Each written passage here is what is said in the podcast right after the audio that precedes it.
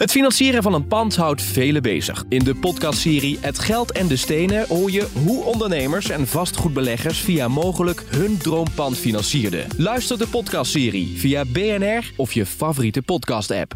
Vastgoed gezocht wordt gesponsord door mogelijk vastgoedfinancieringen.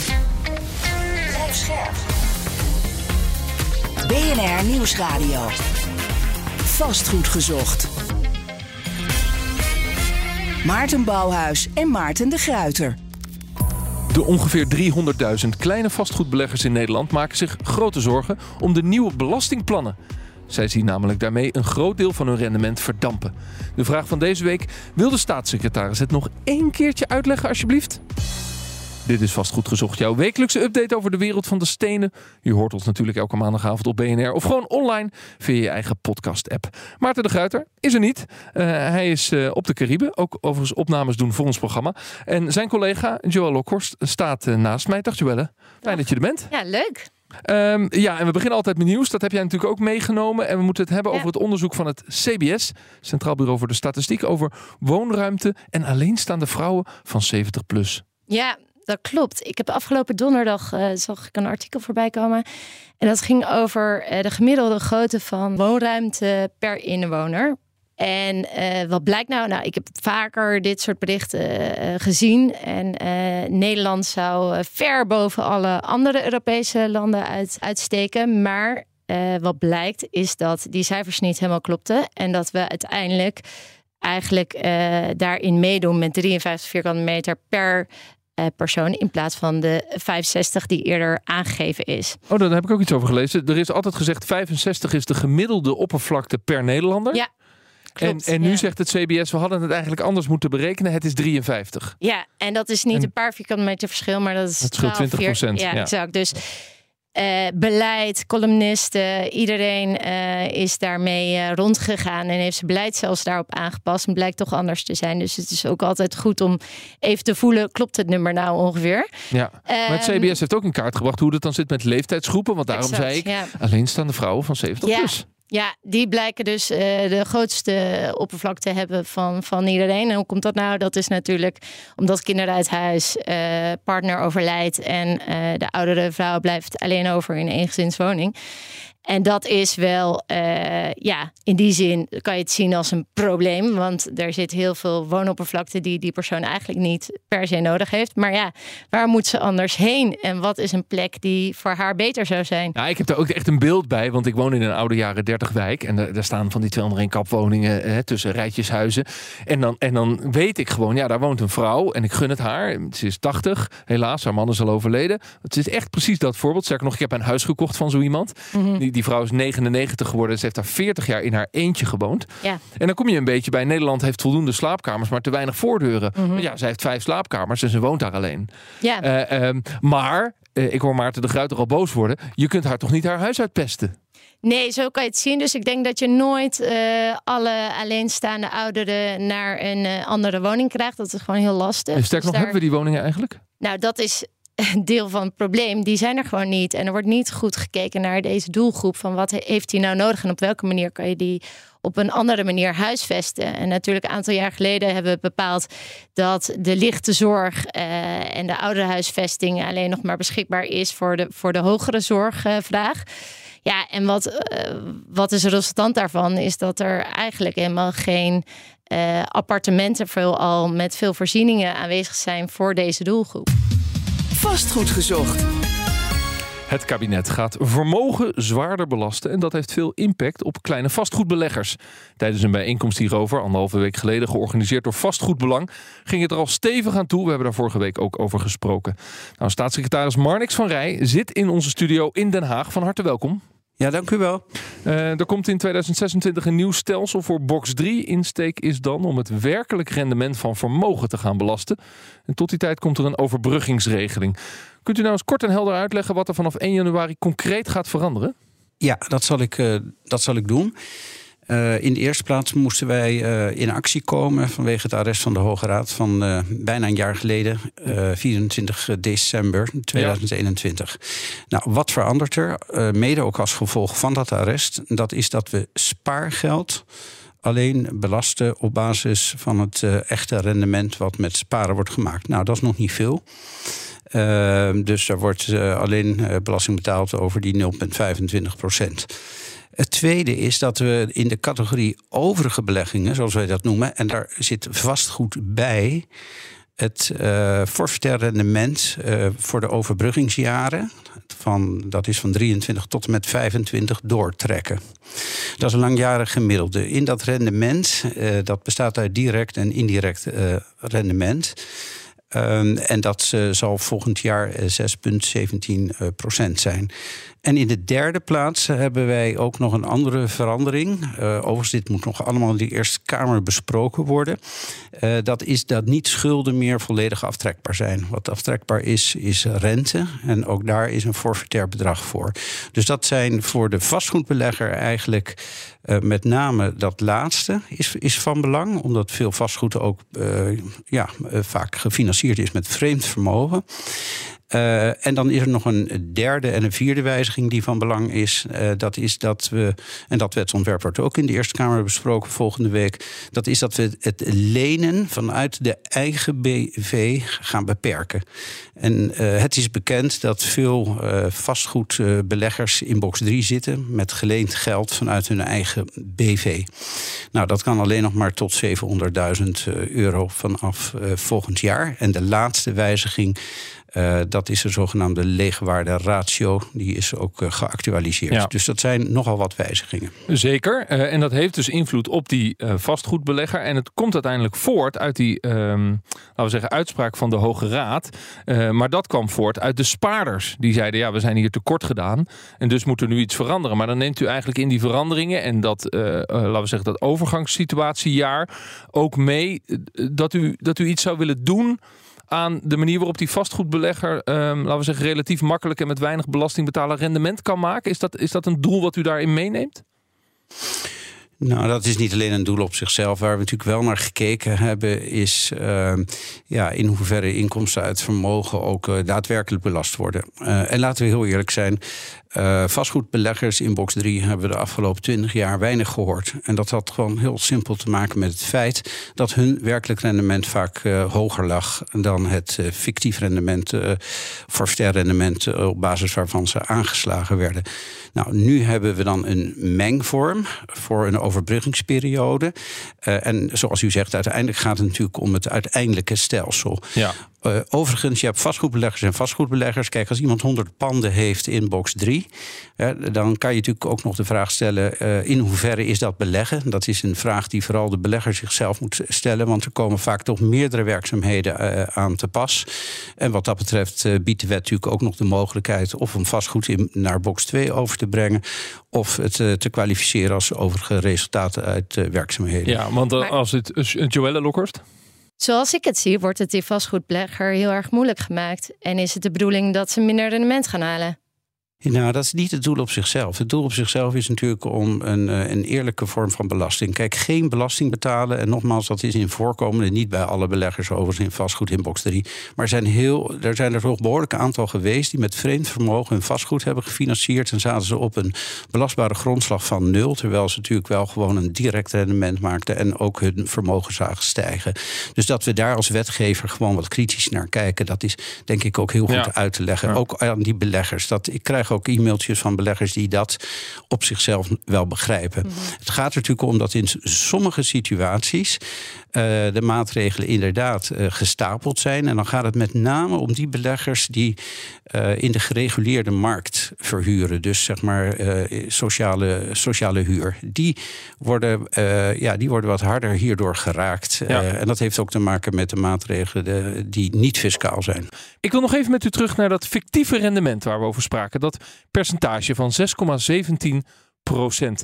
Vastgoedbeleggers zeggen eigenlijk ja ik kom nooit aan dat soort rendementen. Maar hoe is dat dan tot stand gekomen? Ja, kijk, dat, dat uh, percentage komt tot stand. Dat is een uh, wat ingewikkelde formule die er vanaf 1 januari 2017 in de wet gekomen is. Dat is een langjarig gemiddelde.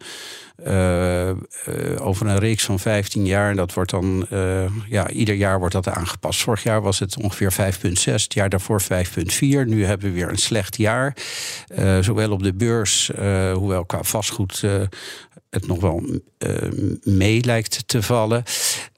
En dan gaat het volgend jaar weer naar beneden. Even een sommetje. Als je een vastgoedbelegger hebt die gewoon 4% rendement maakt, dat is echt, niet, dat is echt geen hoog rendement. Direct rendement. Hè? Dus huur minus kosten, ja. afschrijving en dergelijke. En vervolgens uh, is, zit hij in woningen. En we zien dat de woningmarkt nou in sommige steden zelfs 18% is gestegen. Ja, dan is 6,17 klinkt heel veel, maar dat is het dan natuurlijk niet. Maar dat, dat rendement kun je alleen maken als je de woning verkoopt. Dus zolang, die, zolang hij in de markt zit en die woningen verhuurt, kan hij dat rendement niet maken. Ja, dat is heel grappig. Dit argument heb ik nooit de afgelopen twintig jaar gehoord. Terwijl er ook belasting betaald moest worden over een forfaitair rendement. Maar dat was zo laag dat men daarvoor niet de hand opstak en zei: Ja, maar wacht even, dat, dat, dat deel van het rendement heb ik niet gemaakt. Uh, en daar zit denk ik even de crux. Uh, en nogmaals, ik heb er echt begrip voor, zeker in die situatie dat er in de gereguleerde markt uh, wordt verhuurd.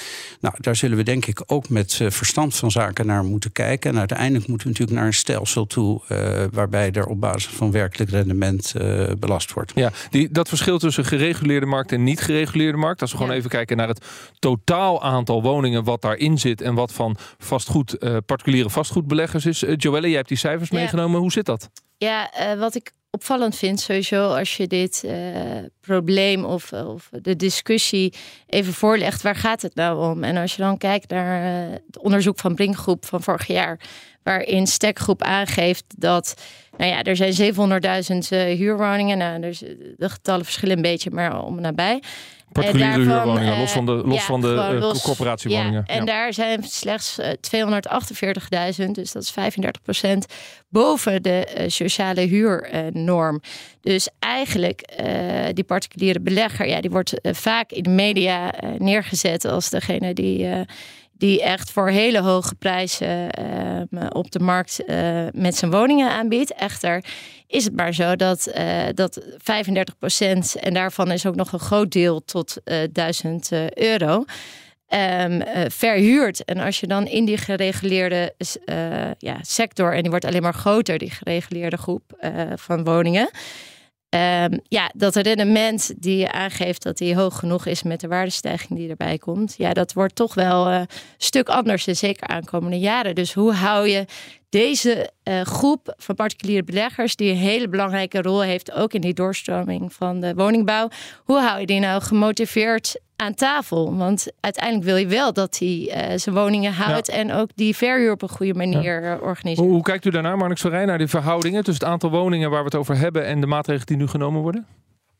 Ja, nou ja, los van het feit dat ik iets andere cijfers hiervoor heb, maar laten we het daar even dan niet over hebben, want uh, dat, dat fluctueert. Mm -hmm. uh, kijk, we hebben als het om de vastgoedmarkt gaat in uh, box 3 allerlei types vastgoedbeleggers. We hebben vastgoedbeleggers die gewoon in commercieel vastgoed zitten, die in ja, kantoren zitten. We hebben vastgoedbeleggers die in vakantiewoningen zitten. We hebben vastgoedbeleggers die in tweede woningen zitten. Waar het hier ja. nu om gaat, is natuurlijk dat deel van de markt waar, en, en nogmaals, ik heb het al eerder gezegd en ik heb daar begrip voor. Er zijn een aantal vastgoedbeleggers eh, die ook heel bewust kiezen voor sociale woningbouw. Maar laten we niet het overdrijven dat, dat alle vastgoedbeleggers in box 3 zouden zijn. Want dat is gewoon niet zo. Maar voor die groep, daar moeten we gewoon eh, om tafel. Ook in, ook in combinatie zeg maar, met de niet-fiscale maatregelen. Mm. Heb ik ook over gesproken met uh, minister Hugo de Jonge. Die inderdaad laatst, uh, die, u, u, refereerde al aan die bijeenkomst. Ja. daar was. Hij heeft daarna ook direct contact met mij opgenomen. En wij gaan daar naar kijken. We gaan er zowel naar kijken voor wat betreft de overbrugging overgangsjaren als ook uh, de periode uh, daarna. Uh, maar wel op basis gewoon ook echt van, van feiten. dus want wij willen natuurlijk niet mensen die heel bewust voor sociale verhuur kiezen, die daar dus ook een maatschappelijk belang bij dienen. Het onmogelijk maken om, om, om, om daarin te beleggen. Maar nogmaals, het is nooit zwart-wit. want uiteindelijk gaat het om het totaalplaatje. En ik kan me niet voorstellen dat beleggers alleen maar in vastgoed zitten. Die dus, hebben dus, ook vaak nog een pot, liquiditeiten. En laten we heel eerlijk zijn, die worden niet belast. Dus richting, richting 2023, hoewel dat nog maar vier weken weg is, wilt u toch nog samen met minister Hugo de Jonge kijken naar de particuliere vastgoedbeleggers die onder de 1000 euro verhuren, dus meer in de sociale kant van de woningbouw zitten, om te kijken van hey, hoe kunnen we daar de opeenstapeling van maatregelen die we nu afkondigen, toch zo inrichten dat het voor hen haalbaar is om een rendement te halen. Je zou denken, eh, nee, het is, niet, het, is, het, het is niet helemaal zoals u het zegt. Dat lukt natuurlijk niet meer in deze drie weken. Het wetgevingsproces is in volle gang. Wij gaan in 23 gaan wij uh, om tafel zitten om uh, onbedoelde negatieve effecten tegen het licht te houden. Gaan we goed bekijken. ik ga nu niet jumping to conclusions. Okay, helder. Nee, ik wilde maar even precies scherp hebben. tafel uh, vind ik wel frappant. We hebben hier natuurlijk te maken met Jack de Vries, die een aantal quotes hebben. Hugo de Jonge. Uh, allemaal partijgenoten. Nou, maar het schuit kunnen we er ook nog bij aan tafel zetten. Je zou toch denken dat jullie een telefoontje van elkaar weg zijn. En dit probleem al eerder met elkaar aan tafel hebben kunnen bediscussiëren. Ja, maar kijk, nogmaals, je maakt niet alleen wetgeving voor één doelgroep. Wij moesten heel snel handelen. Het arrest van de Hoge Raad was 24 december vorig jaar. We moesten eerst het verleden oplossen, de bezwaarmakers en de enorme ingewikkelde dilemma van de niet-bezwaarmaker. Vervolgens moest die overbruggingswetgeving komen, omdat onze wet gewoon in strijd was met het EVRM, het Europees Verdrag voor de Rechten van de Mens. En ja, dan enige grofmazigheid zal je altijd hebben. Er zijn ook uh, bijvoorbeeld uh, aandeelhouders, minderheidsaandeelhouders die minder dan 5% in familiebedrijven hebben, die, die zijn ook opgestaan. Die mhm. hebben ook gezegd, ja, 6,17 mhm. is te hoog voor mij. Maar volgens mij is de overal woning... hebben wij een goede, hebben wij een goede oplossing. Uiteraard spreken wij uh, wel met elkaar, maar het is niet zo dat het uh, even een 1-2'tje tussen een aantal uh, CDA-bewindslieden is. Okay, ik wil heel, heel, graag nog één ding aan u voorleggen. Um, want bovenop dit alles komt ook nog de aanpassing van de leegwaarderatio. Toch even voor de vakgenoten die meeluisteren. die vermindert de waarde van de verhuurde woning voor box 3. Dat weten die vastgoedbeleggers. En nu wordt die waarde op 67 eh, eh, procent gehanteerd. Maar dat gaat waarschijnlijk naar de 95. Dat komt dus allemaal bij elkaar opgeteld. Waarom dan ook nog deze stap? Nou, die legwaarderatio hadden we ook in het coalitieakkoord afgesproken. Daar hebben overigens de Stichting Economisch Onderzoek voor ingeschakeld. Dus dat is uh, uiteraard extern uh, belegd. Die heeft uh, onderzoek naar gedaan wat een redelijke leegwaarderatio is. Overigens zit daar nog wel een, een dat is wel trapsgewijs. Dus u, noemt nu het, ja, het meest slechte voor, voorbeeld voor, zeg maar, hoe het voor een belegger uitpakt. Maar ook daar moeten we de wet gewoon redelijk toepassen. Uh, ja, ik, ik, ik blijf bij de conclusie uh, dat uh, we twintig jaar lang uh, vastgoedbeleggers in box 3 niet gehoord hebben. Daarvoor doen we het niet, maar er zat wel een beetje achterstallig onderhoud in, die, in die wetgeving. Juist, oké. en dus is een gevolg van de wetgeving, ook ja, als gevolg van het arrest, dat het voor, laten we zeggen, de mensen die box 3 fanatiek gebruiken, een beetje slechter wordt. Maar u zegt dat dat is gezond en dat, dat moeten we willen als maatschappij. Ja, dat is ook tot nu toe de politieke uitkomst geweest. En nogmaals, als er echt scherpe kanten aan wetgeving zitten, moeten we daar natuurlijk altijd met elkaar over in gesprek. En, en, er, zijn, en er zijn alternatieven voor vastgoedbeleggers. Ze kunnen ook naar box 2 als ze echt op basis van reëel rendement belast willen worden. Ziet u dat eigenlijk ook naar box 1. Ziet u dat eigenlijk als probleem? Want ik heb het verleden wel eens een uitzending gemaakt over hoe je met box 3 omgaat. En uh, dat gaat over passief beleggen. Dan mag het in box 3 staan. Uh, maar er zijn vastgoedbeleggers die toch vrij fanatiek zelf aan de, aan de huizen klussen. Uh, uh, en ja, dat zou dan volgens de wetgever dus eigenlijk niet mogen. Is dat nog een probleem waar, waar uh, het kabinet bovenop zit om dat aan te pakken? Nou ja, het mag wel. Uh, alleen dan is het resultaat de overige werkzaamheden. En ik noemde het al eerder in de uitzending. Misschien zijn er inderdaad wel situaties uh, dat het niet sprake is van passief beleggen. Dus uh, niet meer activiteiten doen die bij normaal vermogensbeheer te pas komen. maar als je dus inderdaad een beetje loopt te, te, klussen en te sleutelen en arbeid eraan verricht en je ook nog voorzienbaar voordeel hebt, ja, dan zit je eigenlijk gewoon in box 1 ja. resultaat de overige werkzaamheden. En misschien daar gaan we denk ik ook nog wel eens even goed kritisch naar kijken. Um, een stapje verder vooruit, 2026. Hè? Want nu gaan we dus de overbruggingsjaren in. Maar in 2026 de plannen voor box 3. Hoe gaan die eruit zien? Er wordt gesproken over een vermogensaanwasbelasting. Uh, die bestaat dan uit het behaalde rendement, zoals rente, dividend, verhuurwinsten. Het ongerealiseerde rendement, namelijk de waardestijging. Is dan nog enigszins concreet hoe die maatregelen eruit gaan zien? Ja, ik heb er een brief over geschreven eh, in het voorjaar, uh, in, uh, in april. En vervolgens ook nog een brief op 29 of 30 september. we gaan daarover in gesprek met de Tweede Kamer. De Tweede Kamer heeft heel veel vragen over dit stelsel gesteld. In de kern komt het er inderdaad op neer, de vraag die u zegt: van ja, het betekent dus dat je ook over de niet gerealiseerde vermogensaanwas in een bepaald jaar, van 1 januari tot 31 december, belasting moet betalen. De tegenhanger is dat als je vermogens, geen vermogensaanwas hebt, maar verlies hebt, dan mag je het aftrekken. Nou, de Kamer heeft gevraagd: eh, kijk daar nog eens goed naar. Wat betekent dat voor vastgoed? Zou je misschien toch niet met een forfait moeten mhm. werken, maar dan gebaseerd op jaarbasis? Of zou je niet naar vermogenswinstbelasting moeten kijken? Nou, daar gaan we met de Kamer verder over in gesprek. Uh, Jack de Vries is uh, de voorman van vastgoedbelang. Uh, ook daarvan zeggen wij, dan ga je fictief rendement belasten. Iets wat op papier in waarde gestegen is, maar wat nog niet gerealiseerd is. Wat ook afwijkt van andere Europese landen. En dus zeggen wij, eh, doe gewoon een vermogenswinstbelasting. Dat je belasting betaalt over datgene wat je daadwerkelijk hebt gerealiseerd. Ja, en u geeft eigenlijk aan, uh, Marnix van Rij, dat alle opties nog open liggen. U wil daarover in gesprek. Maar hij zegt, ja, vermogenswinstbelasting is het meest logische. Want anders moet je belasting betalen over rendement van een pand wat je nog niet hebt verkocht. Dat, dat is toch onlogisch? Ja, uh, nogmaals, dit argument heb ik dus niet gehoord de afgelopen twintig jaar bij uh, box 3. Als uh, er toch belasting betaald moest worden ehm, ja, als het vermogen steeg, omdat fictief rendement gewoon zo dermate laag was. Mm Het tweede, het grote nadeel van de vermogenswinstbelasting is, er wordt naar, heel makkelijk naar andere landen verwezen. Nou, ik heb ruim 30 jaar in de fiscale adviespraktijk gewerkt, alles bij elkaar nu bijna 40 jaar in dit vak al die landen die zo'n vermogenswinstbelasting op vastgoed hebben, wat zie je? Die beleggers houden dat vastgoed zo lang mogelijk aan, soms tot 70 jaar. Dus de fiscus gaan gewoon fluiten naar zijn centen. Uh, er wordt op gestructureerd. Dus er zit een nadeel aan. Er zit ook uitvoeringstechnisch een nadeel aan. Fiscaal technisch is het natuurlijk de beste oplossing, omdat je dan op basis van realisatie belast. Echter, een vermogensaanwas, dat is slechts de, de aanwas over één jaar. Uh, nogmaals, het verlies uh, mag, je, mag je aftrekken. Uh, en de huren, zoals u zei, de huren minus de kosten worden belast. Dus je zit dan eigenlijk veel dichter tegen het werkelijk rendement aan. Maar het gesprek gaat er met de Tweede Kamer hierover vervolgd worden. Ja, want we hebben dit, we praten hierover ook richting 2026. En dat is dus nog open. Er is een gesprek met de Tweede Kamer. En, en ik neem aan dat alle partijen uit de markt mogen meepraten. En, en dan moet er ergens volgend jaar hier een beslissing over komen. Ja, exact. En het is precies wat u zegt. Ik nodig ook de partijen in de markt daartoe aan. We hebben er dus al twee brieven over geschreven. En er komt nog, als het mee zit, nog voor kerst en anders na het kerstreces een aanvullende brief.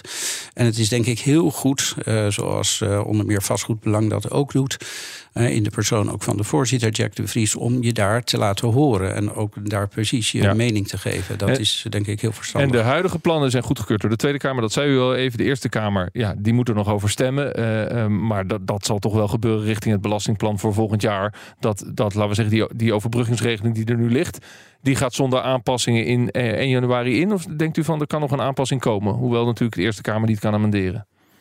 U spreekt met een oud-lid van de Eerste Kamer... die uh, de rol en de toegevoegde waarde van de Eerste Kamer heel hoog heeft. Dus ik wil daar niet op vooruitlopen. Ik ga eerst het debat met de Eerste Kamer aan... en dan bij de stemming zullen we het weten. Ja, maar, ze, kunnen, maar ze kunnen niet amenderen, toch? Ze kunnen niet amenderen, maar ze hebben natuurlijk wel een materieel recht van amendement... en dat is een novelle. Oh ja, oké. Okay. Joelle? Ja, wat um, bijzonder is ook aan de antwoorden die, uh, die Marnix aangeeft, uh, van dat er twintig jaar niks uh, is gehoord. daarbij moeten we wel zeggen dat dit allemaal tegelijkertijd plaatsvindt met de maatregelen die Hugo de Jonge van plan is door te voeren. Dus het is niet alleen de fiscaliteit die natuurlijk afkomt op die vastgoedeigenaren. Mm -hmm. En dan is niet alleen de particuliere verhuurder, maar ook de gehele vastgoedsector. Maar het is in het grote geheel van, van wat verschillende uh, regelgevingen die eraan komt uh, teweeg brengt. En in hoeverre is die particuliere verhuurder voor jullie van belang in deze vastgoedsector? Ja, hoe zou u dat wegen, meneer Rij? Ja, nou, ik heb al gezegd, ik heb daar echt begrip voor. Ik zou er nog één element aan toevoegen. We leven in een ongelooflijk onzekere tijd. We hebben nu een uh, eerste kwartaal van negatieve groei. We hebben stijgende rente, wat echt een invloed heeft op de vastgoedmarkt ook. We hebben natuurlijk ook nog uh, stijgende bouwkosten, de hoge inflatie. Uh, ja, dat schrikt natuurlijk ook uh, beleggers af. Daar, kon, daar komt bij dan inderdaad de niet-fiscale maatregelen van dit uh, kabinet, wat ook uitvloeisel is van het coalitieakkoord, en dan de fiscale maatregelen. Ik heb al aangegeven dat ik en daar als zodanig begrip voor heb. En daar kijkt het kabinet dus ja. ook gewoon heel, heel duidelijk naar. We zijn niet Oost-Indisch doof. En hoe kijkt u daar dan naar? Nou ja, dat heb ik gezegd. Daar gaan we echt nu even de tijd voor uh, nemen. Uh, uh, niemand kon voorspellen wat er toen begin dit jaar begonnen. nou, oké, dat de arrest van de Hoge Raad, dat, dat, was dan wel net gewezen. Maar dat er een oorlog in Oekraïne zou uitbreken. En dat we met inflaties op het hoogtepunt zelfs boven de 17% te maken hadden. Uh, de combinatie van maatregelen, uh, dat heb ik al eerder aangegeven in dit gesprek. Uh, daar heb ik het al met Hugo de Jonge over gehad. Dat zullen we oppakken. En we zullen natuurlijk ook goed kijken begin volgend jaar. nou, of er te scherpe kanten aan zitten. Want niemand is erbij gebaat. En dan, ja, met alle respect, de particuliere beleggers zijn absoluut belangrijk, maar zijn niet het belangrijkste voor de woningmarkt. Dat zijn de institutionele beleggers. En ja, dan moeten we natuurlijk wel goed kijken dat alle kabinetsplannen om 900.000 woningen te gaan realiseren, dat dat uh, ja, niet tegengewerkt wordt door enerzijds markt en anderzijds een ongelukkige uitkomst uh, van een pakket maatregelen op dit moment. Dus we, nogmaals, we zijn daar niet Oost-Indisch doof nee. voor. Maar we gaan niet even nu voor kerst een, daar een vluggertje van maken. want daar zit een van de uitdagingen, hè, dat je 900.000 woningen wil bouwen. Je wilt eigenlijk 100.000 per jaar bouwen. Vorig jaar waren het er 70.000. Dit jaar gaat het uitkomen op 50.000. En de mensen uit de vastgoedmarkt, die zeggen eigenlijk van ja, we moeten nu de markt stimuleren. Hoewel de maatregelen, zowel fiscaal als waar ons gesprek over gaat, als stimulering eh, of remming van de woningmarkt, zoals zij het vertalen van datgene wat, wat meneer De Jonge doet, werken juist averechts. Dus de, de, de, de vraag die op tafel ligt is, hoort u de geluiden uit de markt dat we nu juist moeten stimuleren en ruimte moeten geven, omdat we anders die 100.000 woningen sowieso niet gaan halen? Ja, kijk, het punt is inderdaad, je hebt aan de ene kant langer termijn. Hè, want laten we ook heel eerlijk zijn. Als, je, als je gewoon kijkt naar, naar de middenhuren, dat er iets aan moet gebeuren. Dat, ik denk dat iedereen het daarover eens is. Uh, tegelijkertijd hebben we een timingprobleem uh, door de economische situatie waar we nu in zitten. Dus zeg maar, de pleidooien om vooral investeringen te stimuleren. Uh, nou, dat is iets waar, uh, waar we altijd uh, naar zullen moeten kijken. op het moment natuurlijk dat je een recessie inglijdt. het was een andere situatie, maar het doet mij denken aan de financiële crisis. We, hebben nu dan de energiecrisis. Na de financiële crisis heeft het toenmalige kabinet ook een crisis- en herstelwet aangenomen. En heeft ook behoorlijke investeringsimpulsen via de fiscaliteit, via subsidies maar ook via uh, ja, het toch sneller en makkelijker verlenen van uh, vergunningen. Nou, ik denk dat uh, we nu in zo'n situatie ook aan het terechtkomen zijn. vandaar ook dat we die signalen horen. Dan zijn dat vaak tijdelijke maatregelen die je dan kan doen, omdat je dan in de cyclus eigenlijk precies datgene moet stimuleren wat anders in de markt niet gebeurt. Ja. En dus niet blijvend, want dan heeft het ook weer vergaande consequenties voor ja, de. Ja, want dat is ook echt wel een oproep uit de markt. In, de, in die vorige crisis die u beschrijft, uh, laten we als voorbeeld Amsterdam uh, nemen. Dat bouwde toen 7000 woningen per jaar. Dat is ook ongeveer het doel. En dat is in het dieptepunt in 2011 naar ongeveer 500 woningen gegaan. En dat kwam doordat eigenlijk alles tegelijk ophield. Hè. Dus door die financiële crisis was er geen financiële ruimte meer. Projectontwikkelaars stopten, mensen stopten met kopen. Dus gingen projecten niet van de grond, et cetera, et cetera. En de les daarvan is dus dat we de markt moeten blijven stimuleren op het moment dat dat dreigt te gebeuren. Hè. Dat is eigenlijk het punt waar we dus nu weer staan. Ziet u dat ook zo, zeg maar, macro-economisch? Nou ja, ik zei net, macro-economisch zitten we wel weer in een andere situatie dan bij de financiële crisis. Want toen hield het eh, in, in één keer op. Er was geen liquiditeit meer. We kunnen ons allemaal nog herinneren in najaar 2008 en de consequenties 2009. En dan zie je dat de vastgoedmarkt overigens altijd ja, naelt. Ja. Uh, met op een bepaald moment zelfs dat er uh, meer hypotheken onder water stonden dan boven water. Nu hebben we, toen was er ook een hele sterke negatieve groei van ongeveer 5% geloof ik in 2009. Ehm, eh, wat je nu natuurlijk ziet is dat de groei dit jaar nog best wel, uh, nou ja, nog best wel hoog is, maar dat die afvlakt. Ehm, tegelijkertijd, eh, deze hoge inflatie was er toen niet. Uh, hoge inflatie, uh, ja, dat is een bijkomend uh, voordeel van hoge inflatie, is, is dat je schulden minder, minder waard worden. Ja. daar profiteert overigens de staat zelf ook van. Ja. Um, eh, dus het is wel weer een andere situatie. Maar het punt is natuurlijk terecht dat op het moment dat de investeringen gaan afnemen, en dat, daar wijzen de cijfers nu op, en Mhm. dat is ook niet alleen voor de vastgoedsector, maar met name natuurlijk in de bouw wel, wel heel belangrijk, zeker gezien die ambitieuze doelstelling van dit kabinet, ja, dan zou je dus ook heel goed moeten kijken wat je nog qua, uh, ja, qua investeringen kan doen. Uh, ja. En dan is de weg van de, van de tijdelijke maatregelen is er eentje om, uh, om te overwegen. Ja. Nou, daar ga, ga, ik niet allemaal toezeggen, maar dat we daar natuurlijk serieus naar kijken en dat we daar bij de voorjaarsbesluitvorming op terugkomen, dat mag duidelijk zijn. Juist. Oké, okay, helemaal tot slot. Uh, de gewone particulier, de consument die een tweede huisje koopt, toch ook een beetje als belegging, misschien voor de oude dag, daar wat rendement op wil halen. moet dat nog wel gewoon op een gezonde manier kunnen in de, in de toekomst? Nou, dat vind ik wel. Kijk, er zijn heel veel mensen die heel hard gewerkt hebben in hun leven. Het zij als ondernemer, een eenmanszaak, een, een groenteboer of een kapper. Maar ook mensen die in loondienst zijn geweest. En die dan een tweede of een derde huisje hebben en dat verhuren. En ja, daar moeten we wel met, met, met, met redelijkheid uh, natuurlijk naar, uh, naar kijken. Oké, okay, dank u wel, staatssecretaris van Financiën. Marnix van Rij, bedankt voor dit gesprek. Joelle, wat neem je mee uit de uitzending? Nou, ik hoor enerzijds... Uh positiviteit voor de toekomst. Maar ik ja. zie ze alleen niet terug in wat we momenteel lezen en, uh, en zien. Dus we gaan het zien in hoeverre we uh, de, de, de, halve toezeggingen van Marnix, hoe, hoe ver we die nog gaan terugzien. The proof of the pudding is in the eating. Dat, uh, dat uh, gaan we zien. Uh, nogmaals, Marnix Vrij. dank u wel, dank u wel, Joelle Lokhorst. Volgende week zijn we er natuurlijk weer. Tips, mail onze redactie gewoon even schagen.bnr.nl. Voor nu bedankt voor het luisteren. Dag.